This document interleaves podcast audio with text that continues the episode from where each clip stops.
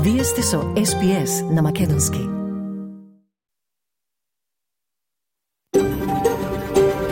SBS, a world of difference. You're with SBS Macedonian on mobile, online, and on radio. Вие сте со SPS на Македонски на мобилен, преку интернет и на радио.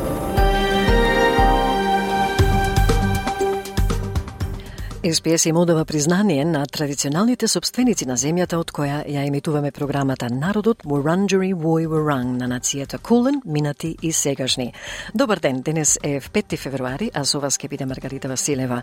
Денешните содржини почнуваат со вестите на денот, после кој следува редовниот извештај од Македонија, каде вчера се прослави 152-та годишнина од реѓањето на македонскиот револуционер Гоце Делчев, а поопширно и за ново политичко здружување, како и за денешниот штрајк човек во земјата.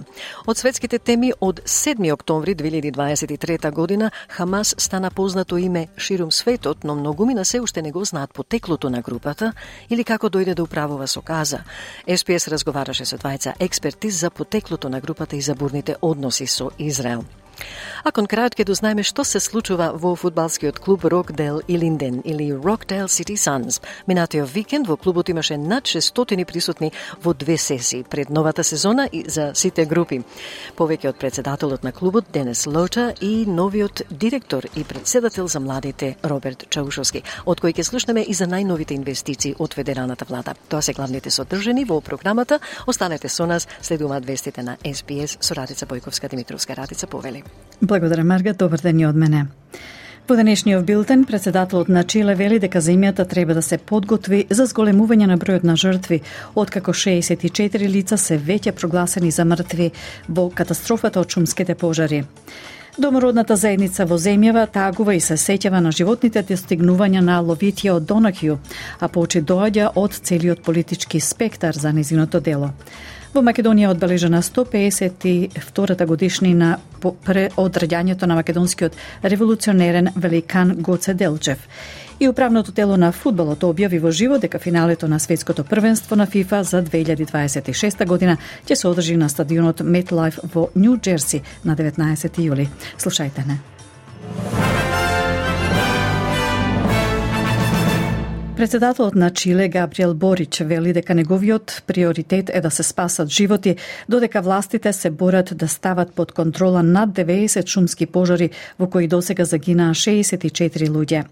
Пожарите им се закануваат на крајбрежните градови Виња Делмар и Валпа Параисо, кои се популарни кај туристите и дом на повеќе од 1 милион чилејанци. Господин Борич објави дводневна жалост, почнувајќи од денеска 5 февруари, велејќи дека Чиле треба да очекува уште лоши вести, бидејќи стотици луѓе се уште се водат за исчезнати. Официјалниот број на загинати досега е 64 лица. Pero esa cifra va a crecer. Sabemos But this figure will grow. We know it will substantially grow. but the figures we are delivering are those confirmed by the Forensic Medical Service. We've said it and we repeat it. Today's priority is to save lives as there are still active fires, assist the injured people, and control the active fires that are now being battled.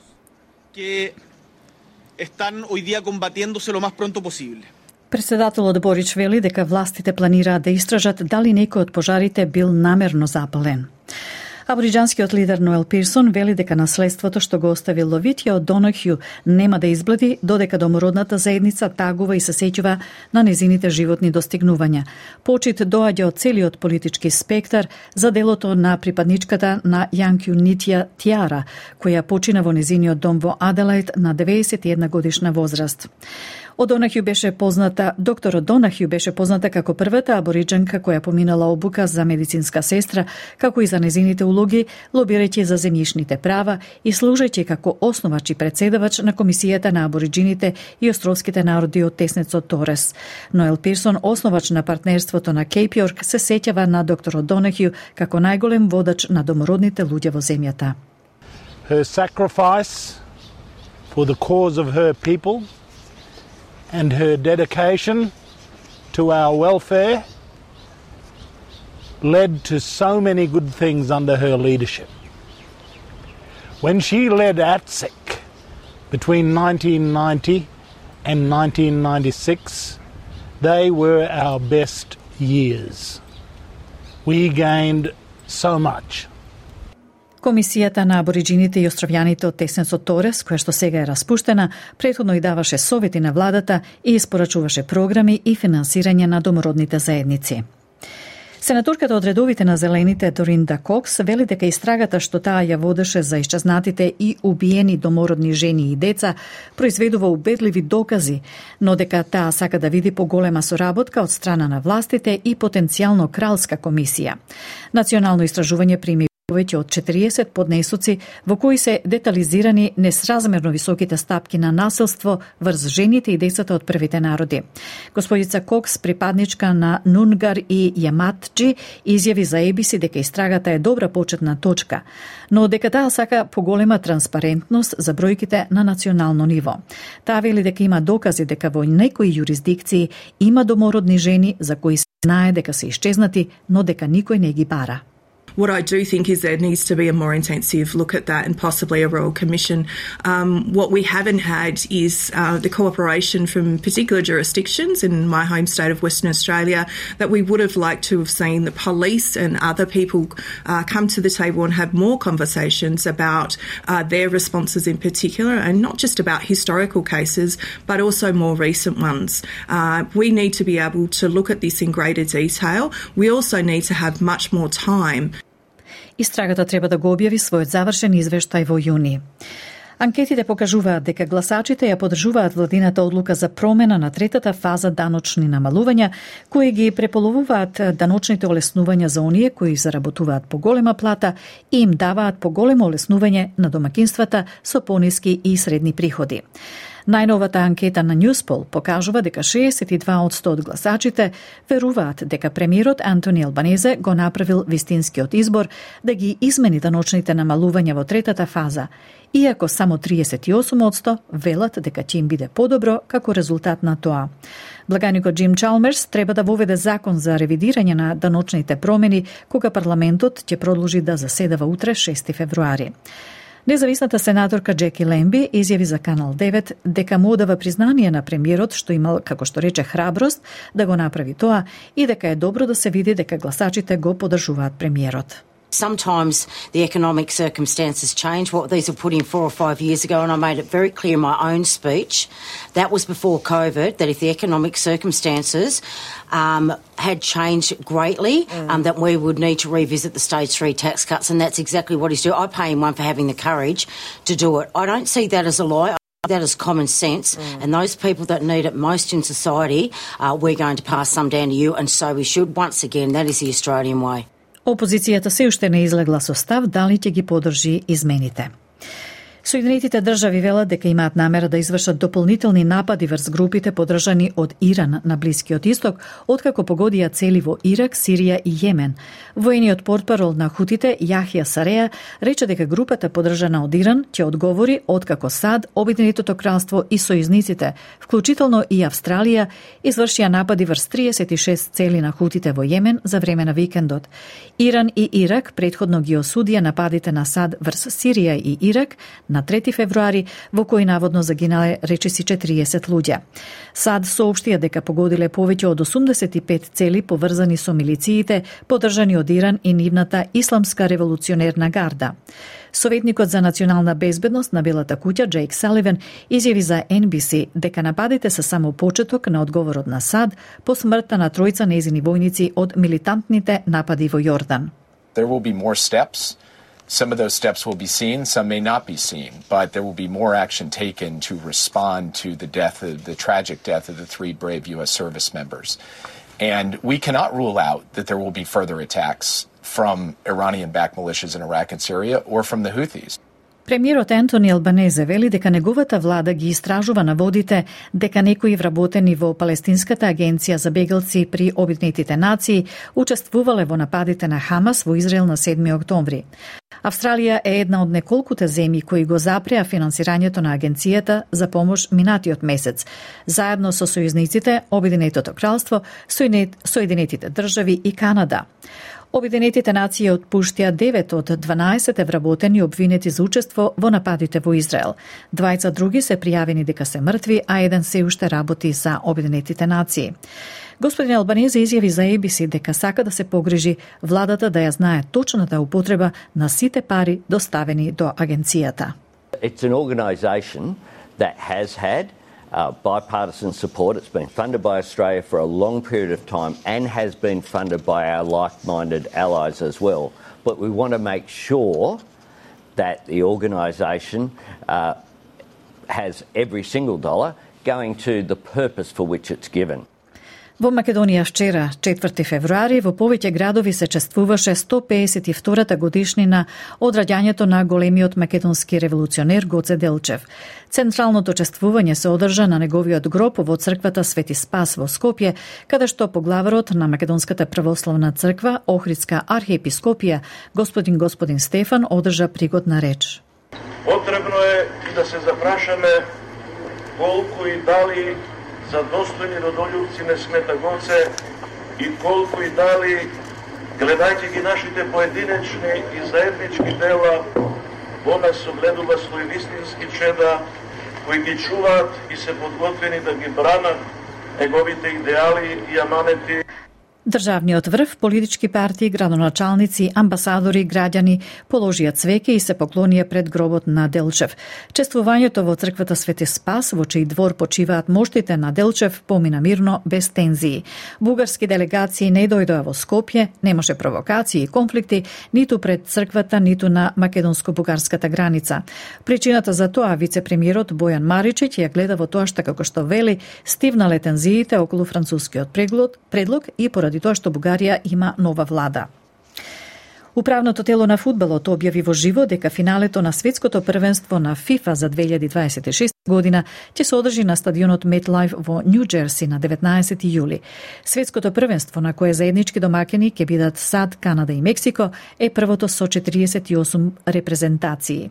Објавата во која се појавија звезди како што се канадскиот пееч Дрейк и славната Ким Кардашиен од САД, исто така откри дека церемонијата на отворањето и првиот надпревар ќе се одржат на стадионот Астека во Мексико. Селекторот на Мексико Хаиме Лозано вели дека е воодушевен што Мексико ќе биде домаќин на рекордниот трет воведен надпревар на светското првенство. Muy contento, muy emocionado. Very happy and excited about this news. Obviously, June 11th is going to be a massive party in this country, but the Azteca, just imagine the energy you're going to feel. How our supporters are going to be buzzing with excitement having their national team host an opening match for the third time in history. FIFA вели дека распоред Распоредот на турнирот е креиран во консултација со тренерите на националните тимови во обид да се сведат на минимум патните растојанија за тимовите и навивачите. Турнирот ќе трае од 11 јуни до 19 јули 2026 година.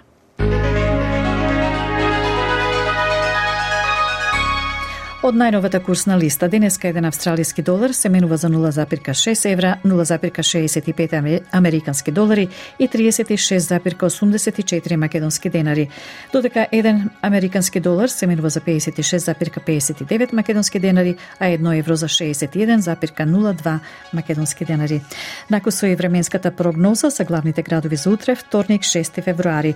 Перт сончево максималната ќе се искачи до 32 степен, Аделаид расчистување на облачноста максимална 25, Мелбун делумно облачно максимална 21, Хобарт услови за дожд 21, Камбера услови за обилни врнежи 26, Сидне врнежливо и ветровито максимална 28, Бризбен делумно облачно 33, Дарвин сончево 33 и Алис Спрингс претежно сончево со максимална до 35 степени.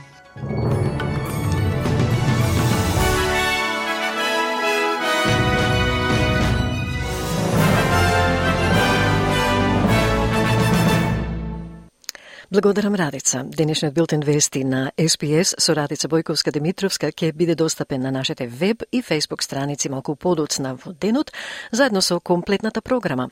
Со вас е Маргарита Василева, а вие ја слушате програмата на СПС Audio на Македонски, каде во останатите 45 минути ќе слушнете вести од Македонија, актуелности од светот и кон крајот разговор за најновите настани во фудбалскиот клуб Роктел и Ленден. Останете со нас.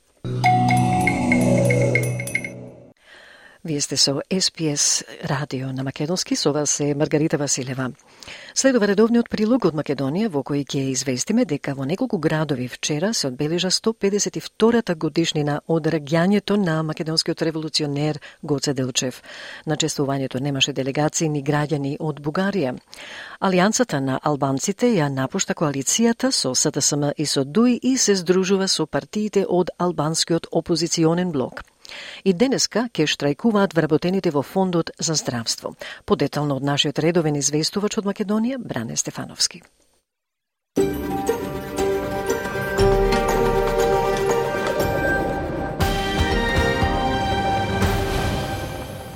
Вчера во повеќе градови се чествуваше 152-та годишнина од раѓањето на големиот македонски револуционер Гоце Делчев. Централното чествување се одржа на неговиот гроб во црквата Свети Спас во Скопје. Поглаварот на МПЦ ОА Стефан одржа пригодна реч. Секој од нас и сите заедно треба да размислуваме не само колку ние се гордееме со него, туку и колку и дали Гоце се гордее со нас. Потребно е и да се запрашаме колку и дали за достојни родолюбци не смета Гоце и колку и дали гледајќи ги нашите поединечни и заеднички дела во нас согледува свој вистински чеда кои ги чуваат и се подготвени да ги бранат неговите идеали и аманети Државниот врв, политички партии, градоначалници, амбасадори, граѓани положија цвеќе и се поклонија пред гробот на Делчев. Владината делегација ја предводеше вице-премиерот Бојан Маричич, а новиот технички премиер Талат Джафери не присуствуваше. Гоце Делчев би бил горд за се што направи, рече поранешниот премиер Димитар Ковачевски. Ние на вистина може да бидеме горди што не само што тој е во почива во независна Македонија, туку Македонија која напредува, која е дел од НАТО, која ќе стане дел од Европска Унија и на вистина може и тој и сите ние да се гордееме со тоа што го направивме во изминатите децени. Лидерот на ВМРО ДПМН е Христијан Мицкоски, кој се наоѓа во посета на македонската заедница во Швајцарија, на Фейсбук го честита одбележувањето на 152-та годишнина од раѓањето на Делчев. Во пораката се вели да не ги заборавиме и силно да ги чуваме неговите идеали, борба и цели да се бориме за Македонија. Само така ќе покажеме почит кон великанот. Македонија силна, достоинствена, наша и почитувана, напиша Мицкоски на Фейсбук.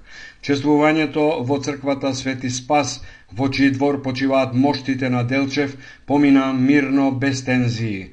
Бугарски делегации не дојдоа во Скопје, немаше провокации и конфликти ниту пред црквата, ниту на македонско-бугарската граница. Причината за тоа, вице-премиерот Бојан Маричич ја гледа во тоа што, како што вели, стивнале тензиите околу францускиот предлог и поради тоа што Бугарија има нова влада. Неговото име и дело доликува да се слави без конфликти, без национализам и без злоупотреба. Оваа година го немавме тоа, тоа е затоа што навремено делувавме и институционално и политичко, и затоа што друга е ситуацијата во Бугарија имаме нова влада и ова е дел од тоа нормализација на односите. Минатата година тројца бугарски државјани беа приведени на граничниот премир Деве Баир на пат кон црквата Свети Спас, откако со часови провоцираа и се обидоа и физички да се пресметаат со граничарите. Полицијата и обвинителството во Албанија отвориле истрага за незаконски активности и обиди за бугарска асимилација на македонското население во оваа држава, вели Васил Стериовски, председател на единствената македонска партија во Албанија, Македонска алијанса за европска иднина, пренесува Телма. Според Стериовски, станувало збор за лажни потврди за бугарско потекло што ги издавале градоначалниците на некои општини на граѓани што аплицирале за бугарски пасоши. Истата мрежа ја спроведувала агресивната бугарска кампања за асимилација на македонците пред почетокот на пописот во Албанија. Токму затоа, за партијата на македонците во Албанија, овој попис, чии резултати треба да се објават во јули годинава, е нелегитимен. Алијансата на албанците ја напушта коалицијата со СДСМ и со ДУИ и се здружува со партиите од албанскиот опозиционен блок составен од Демократското движење, Движењето Беса и Алтернатива, што го носи името Европски сојуз за промени. Откако председателот на партијата Арбен Таравари завчера побара партиските органи да донесат одлука за настап со албанската опозиција на предстојните избори, за 24 часа се собрани подписи за поддршка од 80 од вкупно 133 членови на собранието на партијата. Во објавата на Facebook профилот на партијата се вели дека поголемиот дел од собранието на Алијансата на албанците јасно се определува за промена. Председателот Таравари повика на единство за Дуи конечно да биде испратена во опозиција. Поранешниот лидер и актуелен председател на Централното собрание на Алијансата на албанците, Зијадин Села, синоќа на пресконференција во Тетово објави дека е против одлуката на партискиот председател Арбен Таравари да му се приклучи на албанскиот опозиционен фронт. Села смета дека партијата треба да оди самостојно на изборите, а конечната одлука да ја донесат партиските тела. Тој најави дека ќе свика седница на Централното собрание за сабота, на која ќе се бара одговорност за председателот на партијата Арбен Таравари. Алијансите за албанците како прво не се продава, не е на пазар, а не може никој без да знае и која е цената да ја продава. Зато ние последниот став што го имаме во партија, во централното председателство на партијата, дека Алијансата за албанците оди сама на избори.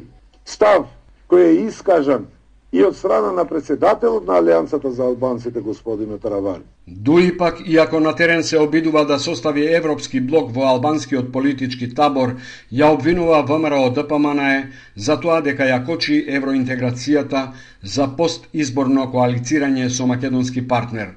Тој се повикува на рамковниот договор во кој стои дека за формирање на владата Треба да се почитува правилото на коалицирање победник со победник. Бујар Османи на пресконференција рече.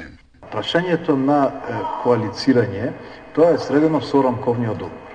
Рамковниот договор, преку Бадентеровиот принцип, предвидува механизми за заштита на немнозинските заедници од мајоризација. И Бадентеровиот принцип не дозволува во институциите да бидат представени било кои политички фактори кои што не ја представуваат волјата на мнозинството од таа заедница. За ВМРО ДПМН е посакуван албански партнер е сегашната албанска опозиција. Тимчо Муцунски, подпредседател на партијата за ТВ Сител, изјави. Тоа што во момент можеме да го кажеме е дека принципот победник со победник веќе за нас не е во сила. Тој истиот беше нарушен од страна на ДУИ во 2016 година, што значи дека истиот веќе не треба да се применува. Наш посакуван партнер, и тоа јавно го кажуваме, е а, коалицијата од албанската опозиција. За нас е клучно да се стигне до бројката 61 и потоа да се надмине бројката 61. Ковачевски вчера пред новинарите рече дека се уште важи понудата на СДСМ сите политички партии, невладини и други организации, како и поединци, да ја понесат визијата за Европска Македонија.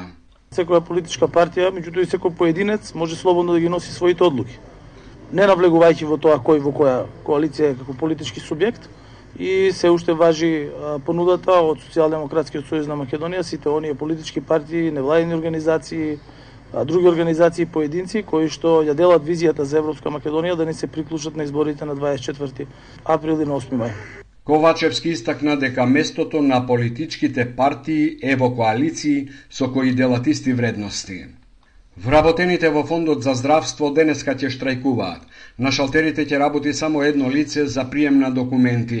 Ќе се даваат само необходните и итни услуги на граѓаните. Повод за штрајкот е најавеното намалување на платите на вработените во фондот за 21%.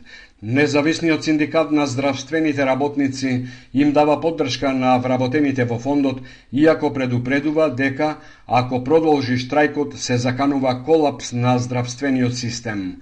Боби Бојчевски од Независниот синдикат на здравствените работници за ТВ24 изјави. Ке дојде до блокада на целиот здравствен систем во државата. Срамотно и жално е да им се оцене платата на луѓето кои што работат и луѓе кои што зимат подпросечната плата. Со најавата за намалување на платите се засегнати околу 800 вработени во институцијата, а како што предходно соопшти синдикалната организација, намалување на платите би значело дека 25% од вработените ќе работат за минимална плата, а 25% за помалку од минималната. Дане Стефановски го подготви извештајот од Македонија за 5 февруари. Току го барате поширок избор прилози и интервјуа, посетете ја нашата Facebook страница SPS Macedonian или нашата веб страница SPS facebook.com.au slash Macedonian, каде ќе најдете и видеоклипови од разни настани во македонската заедница. По неколку информативни пораки од SPS, почитувани слушатели, ќе преминеме и на актуелности, а за крај, нашиот фокус денеска е фудбалот и другите активности и ангажирања на фудбалскиот клуб Роктел и Линден. СПС разговара со председателот на клубот Денес Лота и новиот директор и председател за младите Роберт Чаушовски. Останете со нас. На програмата на македонски јазик на SPS Audio со вас е Маргарита Василева. Продолжуваме со актуелности. Војната меѓу Хамас и Израел е само последната ескалација во долгогодишен конфликт. Од 7 октомври 2023 година Хамас стана познато име ширум светот, но многумина се уште не го знаат потеклото на групата или како дојде да управува со Газа. Новинарката на SPS, Даниел Робертсон, разговараше со двајца експерти за потеклото на групата и за бурните односи со Израел.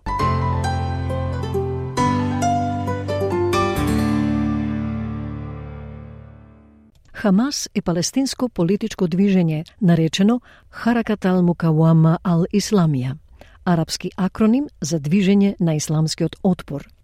Групата започна како палестинско исламистичко грасрут движење со многу блиски врски со муслиманското братство во Египет – Мохамед Ал Джарауа, кој има докторат по меѓународни односи на Универзитетот во Ньюкасл и е експерт за Блискиот Исток и Северна Африка, вели дека Хамас е палестински огранок на муслиманското братство основано во Газа. Нејзината идеологија, вели тој, е таа што се заснова на идејата дека исламот е сеопфатен начин на живот и може да биде вклучен во политичките и административните елементи на администрирањето со нацијата. Од друга страна, вели господинот Джарауа, Хамас е гранка на муслиманското братство, основано во Газа за време на првата интифада во 1987 година. За време на периодот на Фатах, главниот истакнат политички актер на PLO, Палестинското ослободително движење, се сметаше за неефикасно во решавањето на желбата на палестинците за право на самоопределување и за независна и суверена палестинска држава. Its ideology is, the, is based on the notion that Islam is a, a comprehensive way of life and it can be involved in the political and administrative um, uh, let's say, elements of administrating a nation.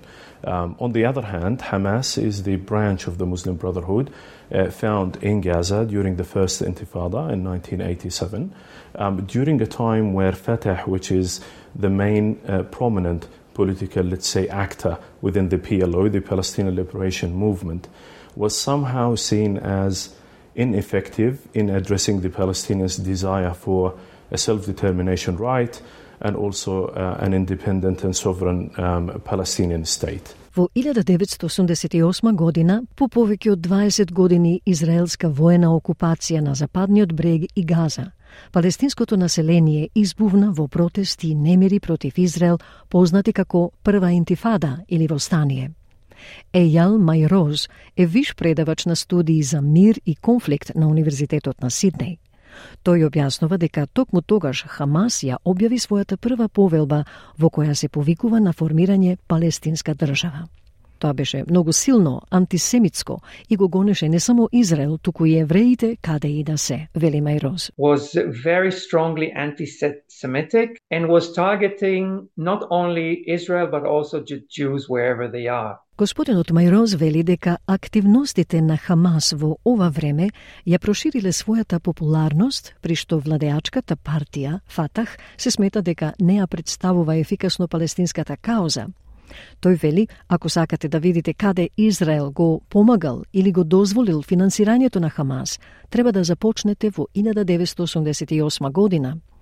Од тогаш, колку што знам, вели Мајроз, Израел никогаш директно не го финансирал Хамас, но секако направил многу за да го дозволи финансирањето, преку меѓународни канали, добротворни канали, преку Катар и Иран и други западни влади. Владата на Биби или целта на Нетањаху се уште била да го спречи создавањето на палестинска држава со сеење поделба, зајакнување или дозволување на Хамас да ја зајакне и ослабне палестинската власт или самоуправа, изјави Майроз. So if you like to see where Israel either assisted or allowed the funding of Hamas, you need to start in the 1988. And since then, as far as I know, Israel never directly funded Hamas, but certainly did a lot to allow its funding, as I said, through uh, international channels, uh, charity channels, through Qatar and Iran and, and other, including Western governments. Bibi's government or, or Netanyahu's purpose was still to prevent the creation of a Palestinian state by sowing divide, strengthening or allowing the Hamas to strengthen and weakening the uh, Palestinian Authority. Протестите од првата интифада траја до 1990-тите. Воената единица на Хамас, бригадите Касам, основана во 1992 година, имаше своји мандати и водачи. Антифадата заврши со подпишување на договорот од Осло, каде што Палестинската ослободителна организација, на чело со Фатах, склучи договор со Израел. Одиме сега во септември 2000 година. Со оглед на тоа што палестинците во Газа и на западниот брег се уште живеат под израелска окупација, тензиите повторно зовреа, што доведе до втората интифада, понасилна и по распространета од првата. Во следните години беа убиени речиси 5000 палестинци и над 1100 израелци. Во 2004 година водачот на Хамас, Ахмед Јасин, рече дека групата ќе го прекине вооружениот отпор против Израел во замена на палестинска држава на западниот брег, појасот Газа и источен Ерусалим. Израел потоа изврши атентат врз Јасин во март во таргетиран израелски воздушен напад. Мохамед Алджарауа вели дека ова резултирало со зголемени воени действија на палестинските територии, што создаде чувство на одмазда кај палестинците, тие сакаа да возвратат и се дојде до зголемено ниво на воени акции на палестинските територии. Како резултат на тоа, премиерот на Израел во тоа време, Ариел Шарон, реши некако да се повлече од појасот Газа повлекувајќи ги израелските трупи назад на израелската страна на земјата, запирајќи ги сите воени акции, изјави Ал-Джарауа. And that created among the Palestinians a sense of uh, let's say, retaliation approach. They wanted to retaliate, and there was an increased level of military actions and activities on the Palestinian territories. As a result, um, the Prime Minister of Israel during that time, Ariel Sharon, decided to somehow um, disengage from the Gaza Strip. So withdraw the Israeli troops um, back to the um, Israeli side uh, of the land and also um, somehow pull every single military activity. Во 2006 година Хамас извојува шокантна победа по изборите во енклавата, при што Исмаел Ханije стана премиер – Фатах, поддржан од Израел, Соединетите Американски држави и арапските земји, не ги призна резултатите од гласањето и се обиде да ги собори, што избувна во крвави борби на улиците на Газа. До јули 2007 година Хамас ги порази силите на Фатах, преземајќи целосна контрола над Газа – Израел потоа воведе копнена, морска и воздушна блокада на Газа, ограничувајќи ја стоката во и надвор од територијата, правејќи ја економијата уште позависна од помош. До 2017 година Мохамед Ал Джерауа, вели дека Хамас представил нова политичка програма, омекнувајќи го својот став кон Израел и прифаќајќи ја идејата за палестинска држава на териториите окупирани од Израел во шестдневната војна во 1967 година. Тој омекнат став, вели Джарауа, не мораше да значи целосно признавање на Израел, туку да речеме прифаќање на формирањето на потенцијална палестинска држава. That softened stance did not necessarily mean a full acknowledgement of Israel, but rather, um, let's say, an acceptance, or they have accepted um, the formation of a potential Palestinian state.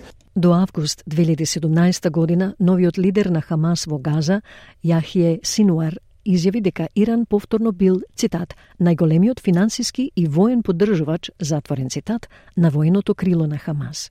Господинот Алджарауа вели, овде постои разлика помеѓу тоа како Хамас беше поддржан финансиски, социјално или со друга опрема од другите ограници на муслиманското братство, особено во Египет, и нивото на поддршка што Хамас ја добиваше од Иран. Значи, односите на Иран со Хамас се многу динамични и комплицирани, вели тој. По револуцијата во 1979 година има многу промени.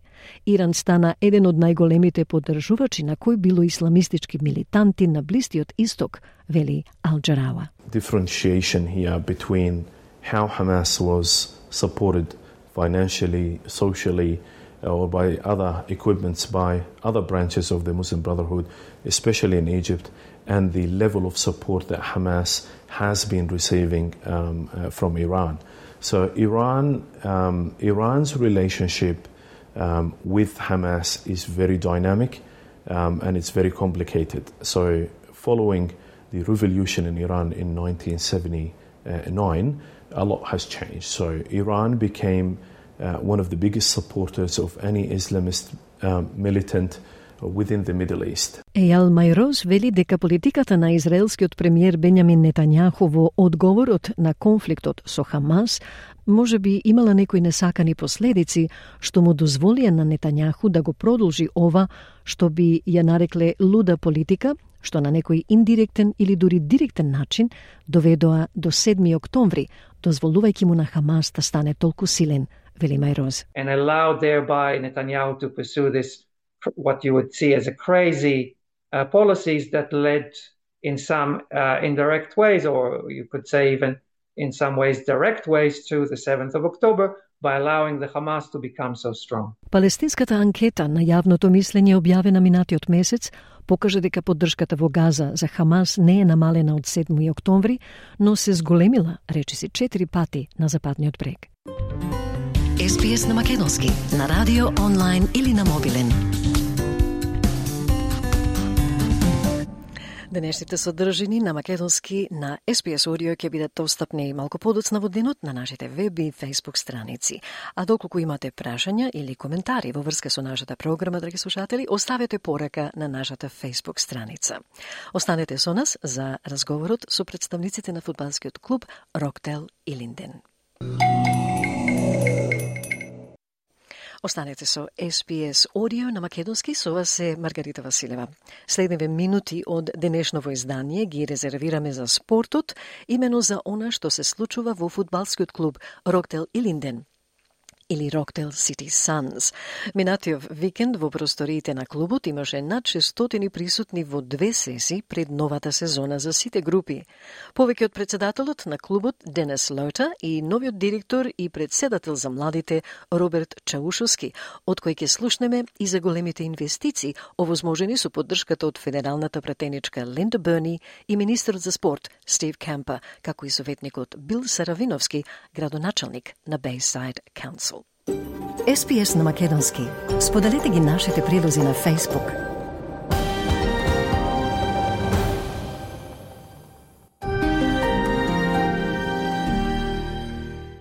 Добро ден сите слушаните.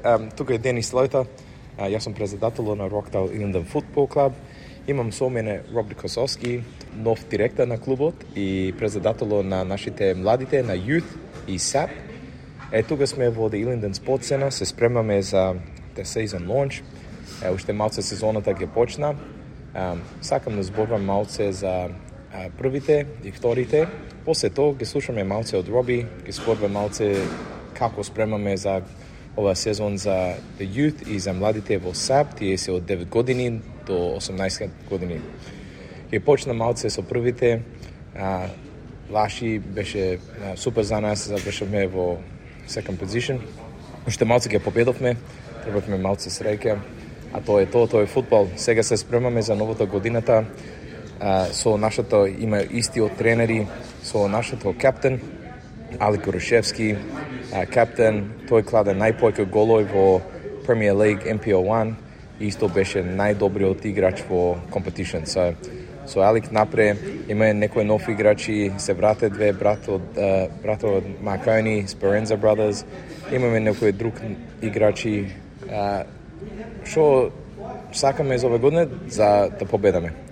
Е, исто со вторите, имаме нов тренери, Спасе Најдовски, се, врат, се врате во клубот, The Cobra. А, тој има еден да, асистент тренер што му помаж. Ачи што порано беше тренер тука со вторите пред 10 години, колку имавме супер тим. А како почна сезоната до сега има многу млади играчи, многу од 18-ките а, добро игра. До сега не мислам има изгубени на пресезон. Исто победија а, во Волонгонг на Месар Кап и за оваа година чекаме само за победање на 20-ките исто како што беше во првите. Уште малце ќе слушаме од Роби, па пред да слушаме на Роби нешто друго работа од клубот. Прв сакам да ги да кажам честитам и фала многу на нашите главни спонзори. Без спонзорите не можеме ништо да правиме. Е исто имаме многи други спонсори, не можам сите да ги кажам, али сите што има, дојдете, ги видиш на нашата вебсайт, ги видиш на стадионот тука. Um, ние имаме very lucky што имаме толку спонсори.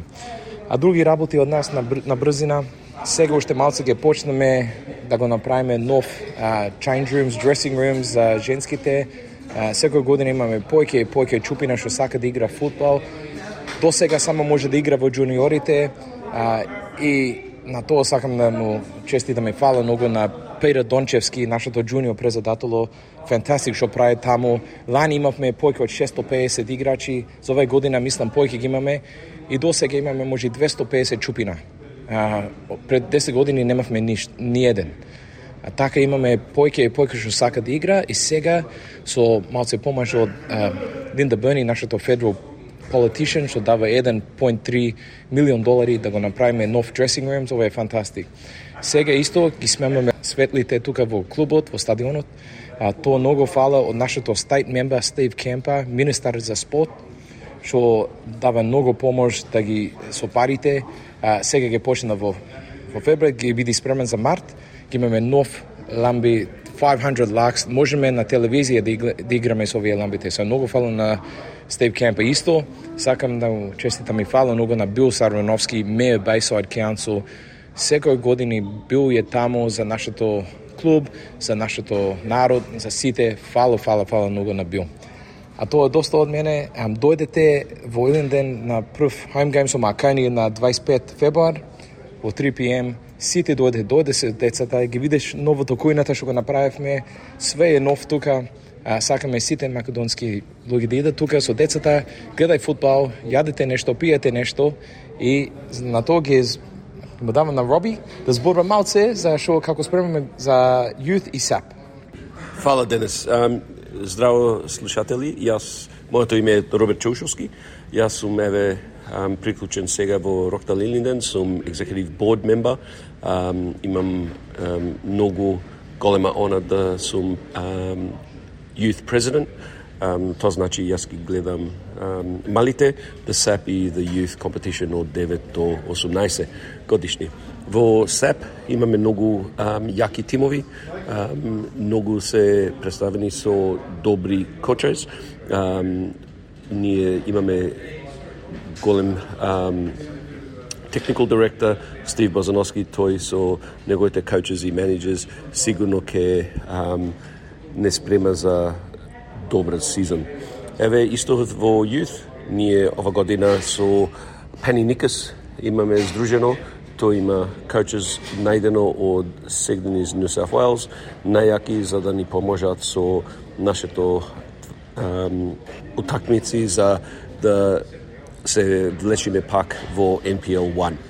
Сигурно таа ќе биде тешка, um, тешко за нас, ама Ние со um, го имаме се имаме приклучено со Ники Пенес, um, тој ни е наш technical director за youth и тој сега со неговите coaches um, има програма да и усили да и спрема нашите млади за утакмиците што ќе не престапат. Сигурно ќе биде тешко за нас, ама ние сме спремани за тој um, challenge. Еве со тоа, um, ве да поканувам сите на 25 февруари um, во Рокдал Inland Спорт Центар на West Botany Street во Рокдал имаме голема um, прва uh, гейм во Рокдал против Маркони. Ке биде големо, големо надпреварица. Повелете сите, пак и јас, како што кажа денес, многу сум um, задоволен и um, сакам да кажам фала на, на сите нашите главни спонсори и нови спонсори. Без ними не можеме ние да бидиме. Ама само напред а, можеме да бидиме со Илинден, ако сме сите заедни. Ајде се на убо. О, Македонија!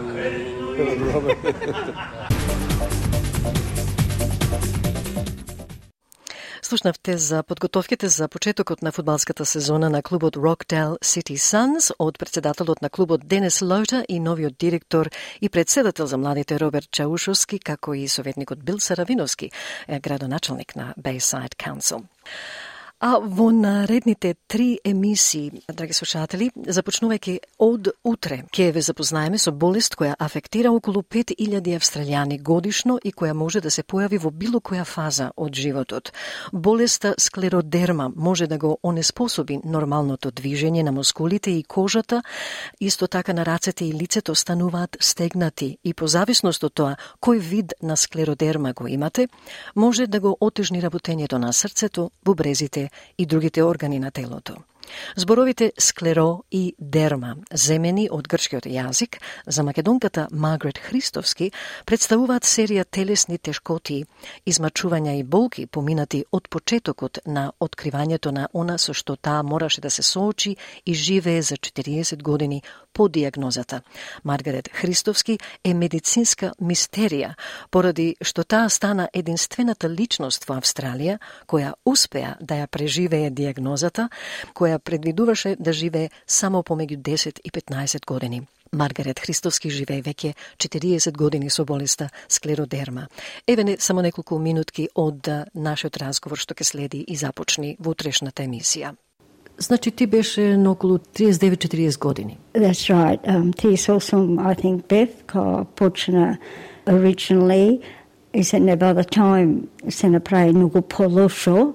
I think about 1983, Beth in hospital. Ми дадоени tablets се викаја penicillamine и тие имав reaction, реакција и добив една друга болест што се вика myasthenia gravis. So, и ваа autoimmune болест, ама таа е многу полоша од склеродерма. So, имав двете склеродерма, diffused scleroderma и myasthenia gravis.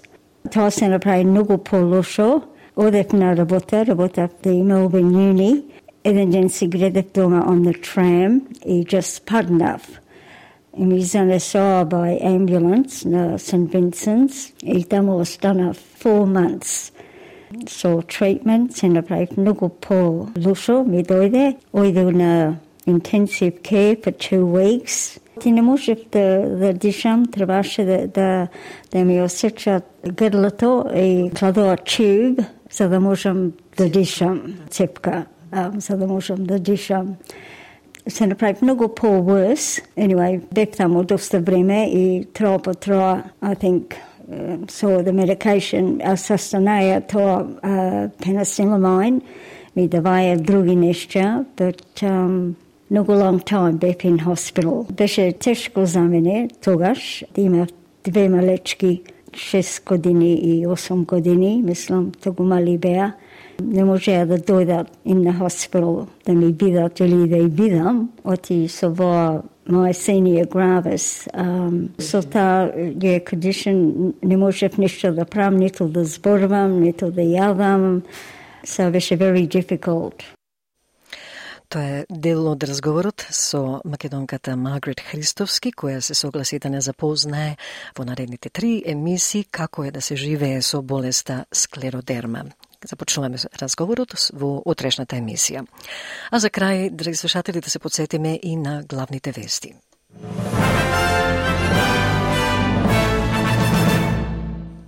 Председателот на Чиле вели дека земјата треба да се подготви за зголемување на бројот на жртви, откако 64 се веќе прогласени за мртви во катастрофата од шумските пожари. Домородната заедница тагува и се сеќава на животни достигнувања на Луиджа О'Донахју, а почит доаѓа од целиот политички спектар за незиното дело. Во Македонија одбележана 152-та годишнина под одраѓањето на македонскиот револуционерен великан Гоце Делчев и управното тело на фудбалот објави во живо дека финалето на светското првенство на ФИФА за 2026 година ќе се одржи на стадионот MetLife во Нью Џерси на 19 јули.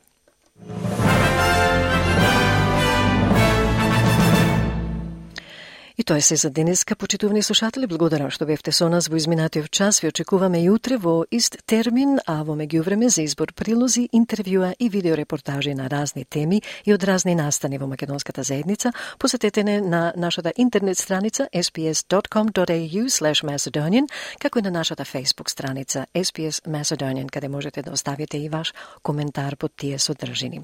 До слушање до утре од Маргарита Василева. Пријатен ден. Стиснете, ми се допаѓа, споделете, коментирајте. Следете ја SPS на Македонски на Facebook.